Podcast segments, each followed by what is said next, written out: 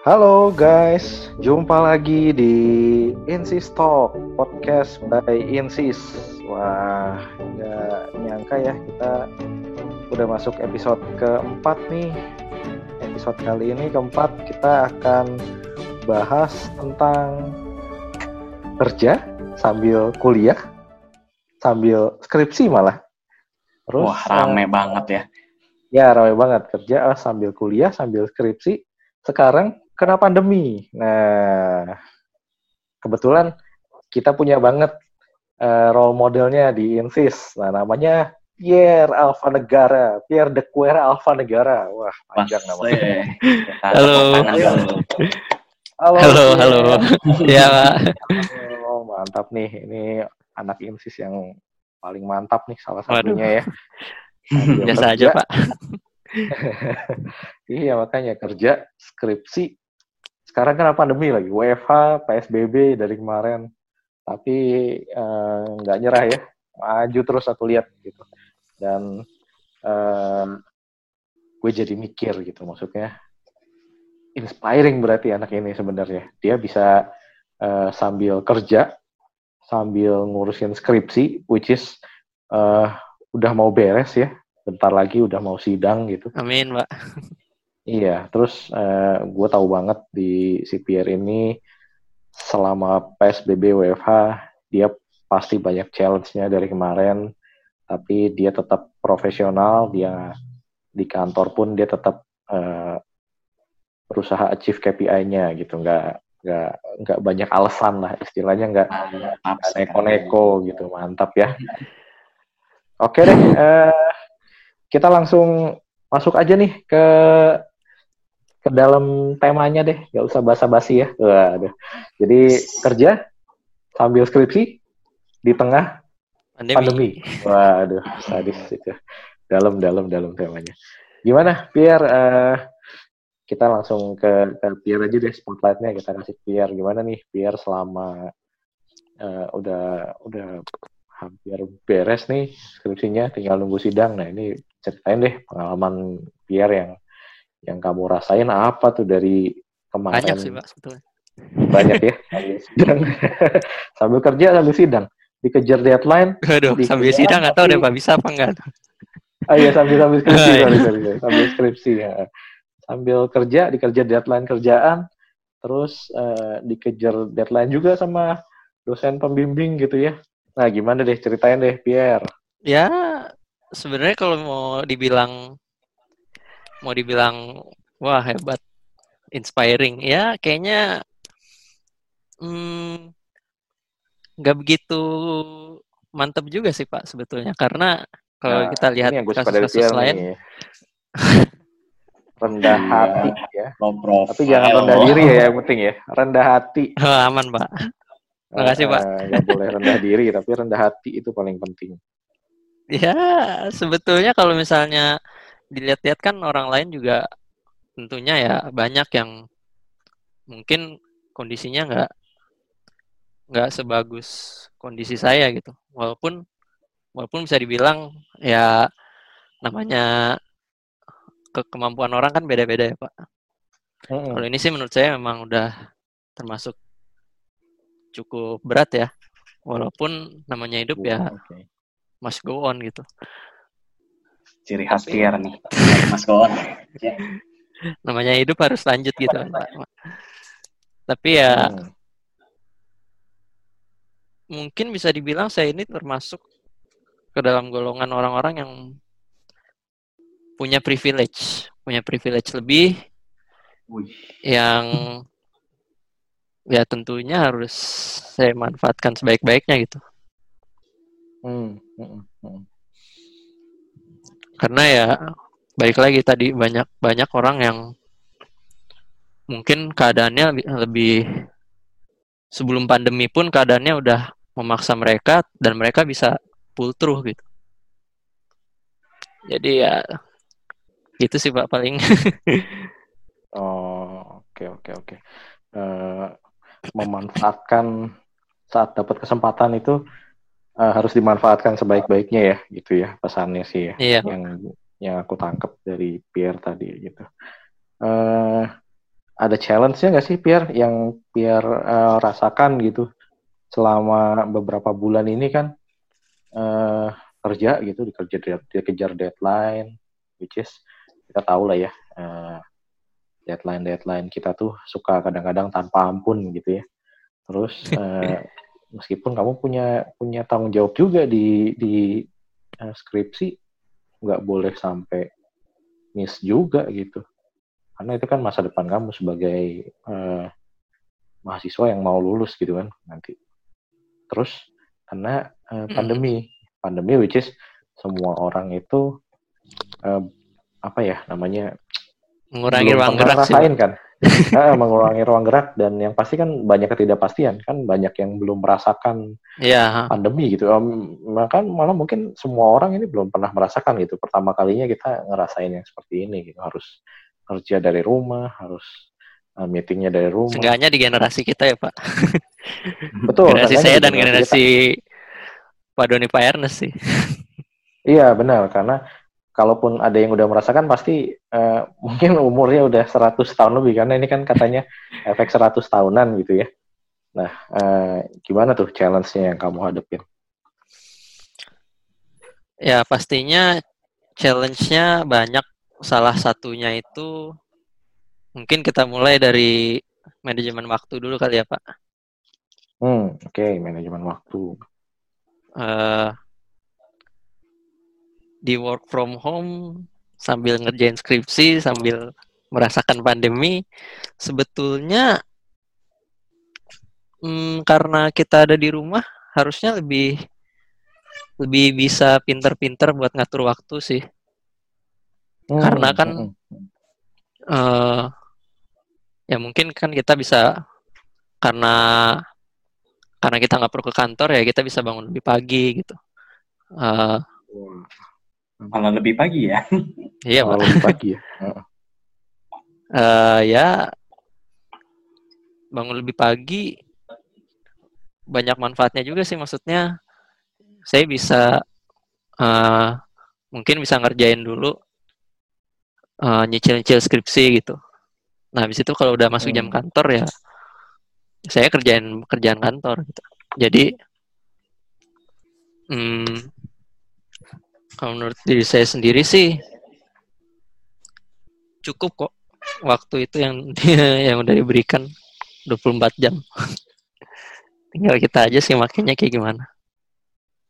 Walaupun tentunya ada batasan-batasan kayak ya hal-hal tak terduga sih misalnya hmm, kalau boleh saya ngomong mungkin uh, dari anggota tim ya yang kebetulan hmm. anggota tim saya kan juga kerja jadi kalau misalnya kita punya waktu nggak bisa nggak bisa pas sebetulnya bisa aja pas uh, jam istirahat gitu kayak misalnya jam jam 12 gitu kan. Mm. Tapi terlalu sedikit waktunya. Jadi dan kebetulan mereka juga kerja kan. Jadi uh, ter, terpaksa kita melakukannya pada malam hari gitu. Yang which is semuanya udah pada capek juga gitu kan.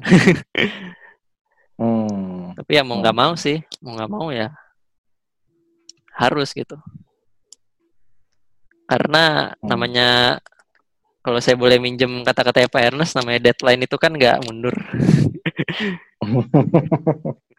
memperhatikan bagus bagus iya.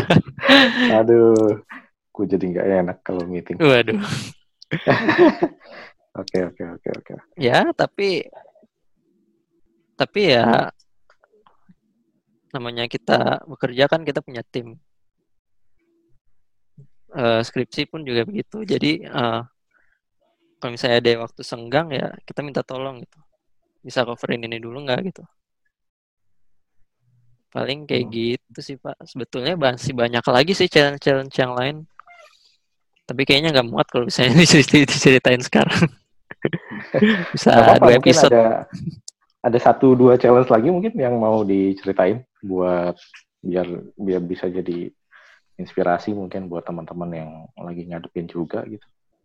Hmm, kayaknya sih ini tergantung jenis skripsi yang mereka kerjakan apa ya Pak. Soalnya tentunya di di topik-topik tertentu kita harus uh, ada step-step yang mengharuskan kita untuk keluar gitu. Seperti misalnya kalau misalnya skripsi research, kita kan harus uh, mencari data ya Pak. Dan mencari datanya itu kan biasanya kan metodenya kan ada banyak. Salah satunya mungkin kalau misalnya kirim kuesioner kan harus online bisa bisa online maksudnya gitu kan. Hmm, hmm. Nah, yang susah tuh yang yang di mana kita harus mengamati suatu lingkup masyarakat gitu sih, Pak. Oh. Iya. Apalagi kan waktu waktu benar-benar mulai pandemi ini, kita benar-benar nggak boleh keluar rumah sih. Sebetulnya bukan nggak hmm. boleh sih, uh, tapi ya dihimbau lah ya. Ya dihimbau Dihimbau kalau nggak ada yang penting-penting banget, uh, stay mm -hmm. at home, benar. Dan walaupun bisa keluar juga percuma gitu. Toh mana ada yang mengadakan kegiatan gitu kan. Mau lembaga iya, swadaya masyarakat, mau itu pun uh, pusat-pusat halayak ramai kan nggak ada yang nggak ada orang yang datang juga gitu. uh, uh, benar. Jadi baik lagi sih paling pak. Mm. Buat yang skripsinya uh, perlu hal-hal seperti itu, itu bakal jadi challenge juga ya pastinya ya. Iya pak. hmm. Tapi nggak tahu sih kan tergantung orang-orangnya juga. Mungkin ada siat-siat-siat lain ya. Bagus kalau gitu sih. ya mungkin bisa didiskusikan sama universitas yang bersangkutan juga ya tempat kuliahnya ya. Mungkin ada kelonggaran atau apa gitu. Oke, okay, yes. uh, jadi gimana Pak Doni? Ya bisa aja pilih materinya yang ini ya, yang nggak perlu mewajibkan mesti survei kalian ramai gitu. Oh itu uh, benar-benar unexpected sih Pak, karena kita milih topiknya itu sebelum ada wabah-wabah ini. Malah kita hmm. udah milih topik di 2019 gitu kan. Jadi waktu tiba-tiba datang. Kalian mesti shifting ya, shifting iya. strategi jadi ya harus ya, cepat-cepat ya, beradaptasi sih. Ya, ya, apa namanya? Ya itu bisa jadi kayak semacam simulasi bisnis ya. Unexpected things always happen gitu. Mm -mm, mm -mm, benar. Tadi kan Pierre udah cerita ya tentang uh, pengalaman Pierre hmm. dan tim ya ketika harus skripsi di tengah pandemi itu sambil kerja. Nah, kalau dari Pierre sendiri, uh, ada nggak sesuatu yang kita positif gitu selama Pierre ya menjalani kerja sambil skripsi di tengah pandemi itu? Hmm, hal-hal positifnya mungkin ya uh, karena kita karena ini benar-benar kejadian yang nggak terduga, jadi kita bisa uh, sambil belajar juga gimana sih caranya uh, beradaptasi di di dalam dalam kejadian yang tidak terduga tapi kita harus tetap deliver gitu. Jadi kita dipaksa untuk tet tetap berinovasi gitu sih. Paling uh, itu sih yang saya dapat yang benar-benar yang benar-benar saya rasain kalau waktu ngerjakan skripsi sambil kerja gitu. Lagi di tengah pandemi ini gitu jadi kita harus benar-benar uh, tetap inovatif aja sih hmm. jadi memang ini ya jadi belajar bisa beradaptasi ya hmm. di tengah keadaan yang tak terduga dan justru dilihat dari intensitas kerjaan dan kuliah yang juga lagi lumayan tinggi berarti ya. Iya. Ya mungkin gitu. mungkin uh, bisa juga kayak ini ya apa uh, dan mungkin ya bisa jadi pengalaman seumur hidup saya sih pak. Kayak ya mungkin kalau pas saya tua saya bisa cerita ke cucu-cucu saya mungkin nanti. Misalnya saya ngerasain kakek ngerasain loh waktu itu pandemi sambil skripsi sambil kerja gitu asik loh gitu kan. Mungkin kalau pengganti cerita perang ya kalau kakek-kakek kita kok ini iya, harus terus sambil kerja terus waduh di tengah-tengah kondisi kita sangat dibatasi ya karena pandemi ya. Ya in a way ini juga termasuk perang sih pak. Melawan sesuatu yang nggak kelihatan gitu. Iya benar nggak kelihatan ya. Makanya harus waspada banget kita ya jaga-jaga pakai protokol kesehatan ya di satu sisi kita melawan penyakit satu sisi lawan diri sendiri dan kayaknya itu yang paling susah sih benar benar benar kalau di episode 1 Pak Doni bilang e, ini mental sebenarnya wah masalah mental. Iya, saya saya dengar tuh. Ikutan dengar ya.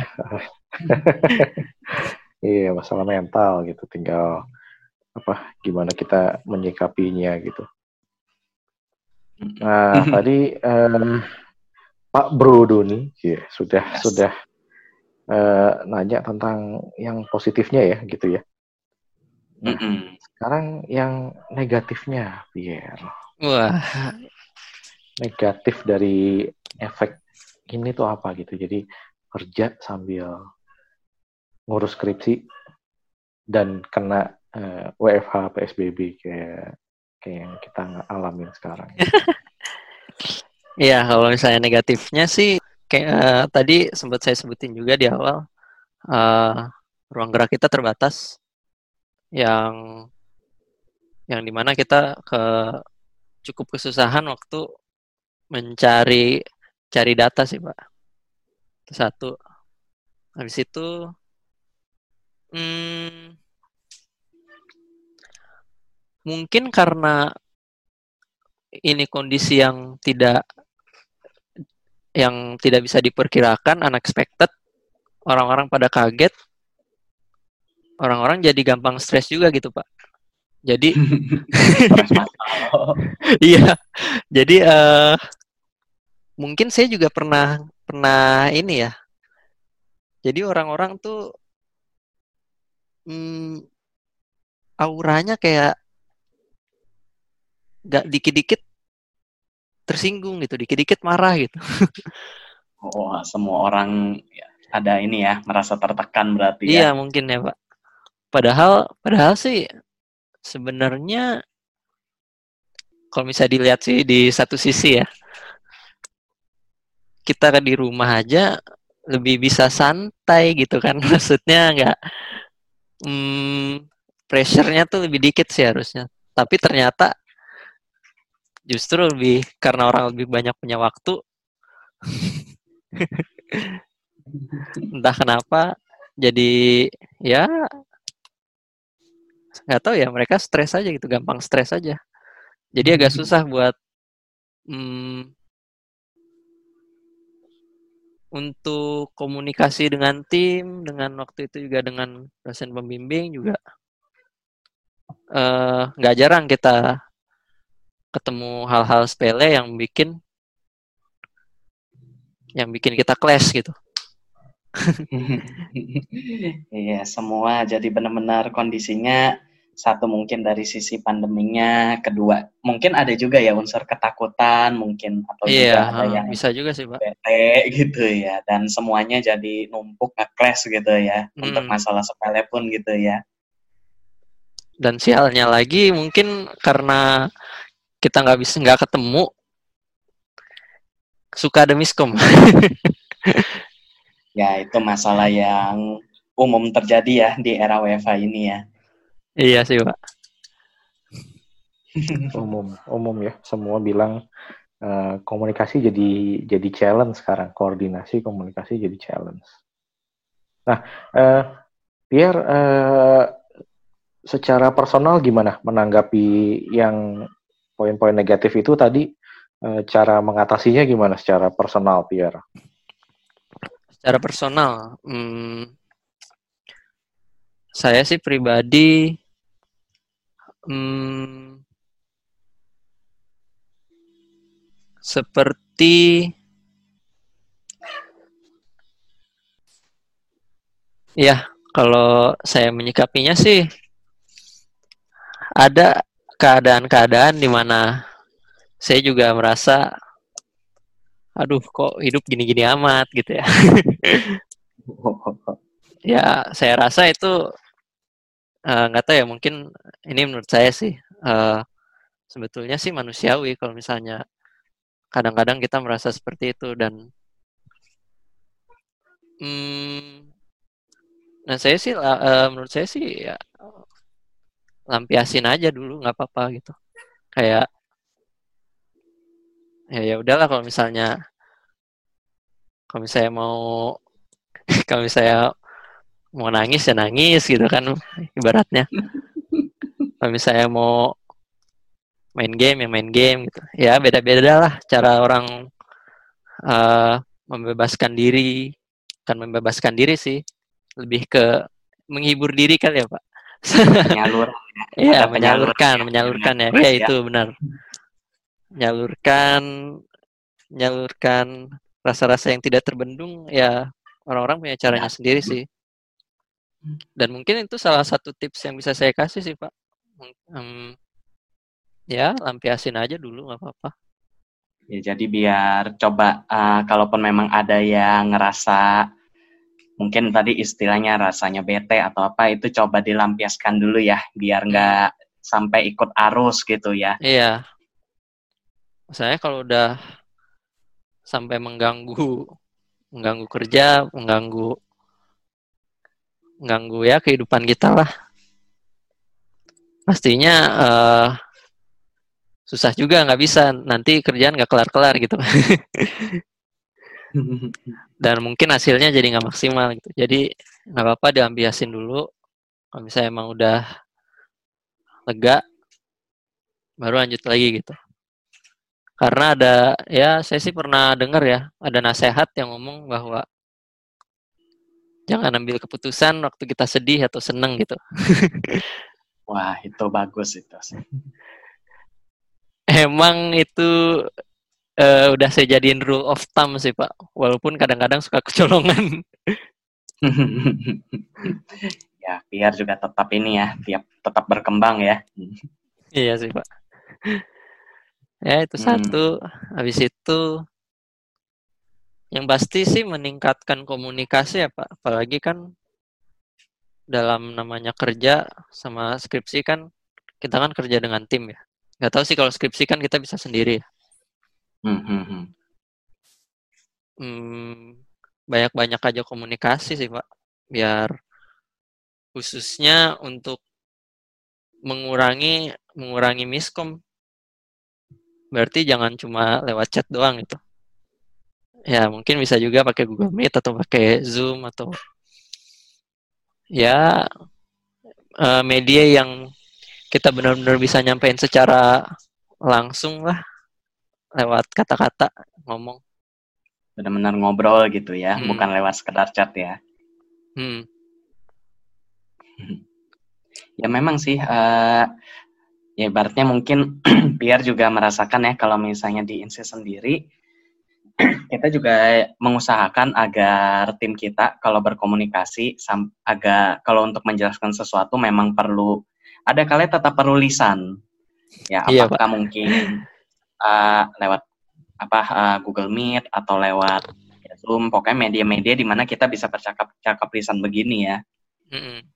Berarti Pierre juga kemarin berusaha berkomunikasi seperti ini juga ya ke tim member sama ya mungkin ke dosen pembimbingnya juga berarti ya. Ya, kalau untuk untuk fakultas saya sendiri sih memang menyediakan media ya Pak. Dan dianjurkan juga agar kalau proses bimbingan jangan dilakukan lewat chat aja gitu. Hmm. Jadi mereka ngasih medianya sendiri untuk kita bisa uh, video conference seperti ya seperti insis yang juga kita lakuin sih pak. Dan hmm. juga untuk tim-tim saya juga pasti kalau misalnya ada misalnya saya ketemu suatu masalah atau mereka suatu ketemu suatu masalah saya udah udah apa ya uh, menghimbau juga sih. Langsung aja kita meet gitu misalnya di Discord gitu. Kan zaman sekarang kan Discord kan lagi pakai banget tuh. Discord Google Meet. Ya jadi ya langsung aja gitu ngomong biar nggak ada miskomunikasi langsung bisa diputuskan ya biar enak aja sih Iya, biar sama-sama enak dan koordinasi tetap jalan ya, biar ya. Iya, Pak. Uh, ya mantap, mantap, mantap. Jadi uh, ada beberapa poin sih kalau aku ambil dari PR ini. Uh, yang pertama harus kesempatan itu harus dimanfaatkan saat dapat gitu ya. Jadi uh, insist itu waktu dia di hire dia di, dimanfaatkan sebaik-baiknya gitu biar memanfaatkan kesempatan itu sebaik-baiknya. Atas modal itu dia selalu berpikir untuk memberikan yang terbaik untuk kerjaan gitu. Tapi di sisi lain dia juga punya challenge di skripsinya ya. Udah sambil ngerjain skripsi sambil kena WFH dan kondisi pandemi gitu nah menurut Pierre ini challenge-nya juga uh, manajemen waktu harus pinter-pinter. Iya benar ya, iya. lumayan ya. Jadi manajemen waktu harus pinter-pinter dan uh, yang aku lihat, yang aku dengar tadi juga dari Pierre adalah uh, dan aku cukup salut sih, bangun harus lebih pagi gitu. Jadi sejak WFH Pierre bangunnya malah lebih pagi, terus pagi-pagi nyicil skripsi dulu, baru habis uh, masuk jam kerja baru dia jalanin kerjaan gitu ya. Tapi uh, tetap ada challenge-nya juga karena malam baru bisa mulai ngerjain lagi skripsi habis itu. Gitu. Iya. Uh, ya, uh, ya, gitu lah Pak. nah itu uh, beberapa hal sih yang yang kita bisa belajar dari Pierre lah ya, gitu ya. Uh, segitu dulu mungkin tentang tema kita di episode kali ini kerja sambil skripsi di tengah pandemi. Hmm. Kita akan ketemu lagi next time di episode berikutnya ya, teman-teman ya. Thank you yep, buat Pak. waktunya uh, Bro Doni dan Bro Pierre. Thank you. Thank you. Nanti kita thank ngisi you, lagi di episode selanjutnya ya. Thank you. Stay thank safe. You, thank you stay yang udah dengerin. Stay positif. ya, yeah, thank you. Thank you semua. Terima kasih, terima kasih.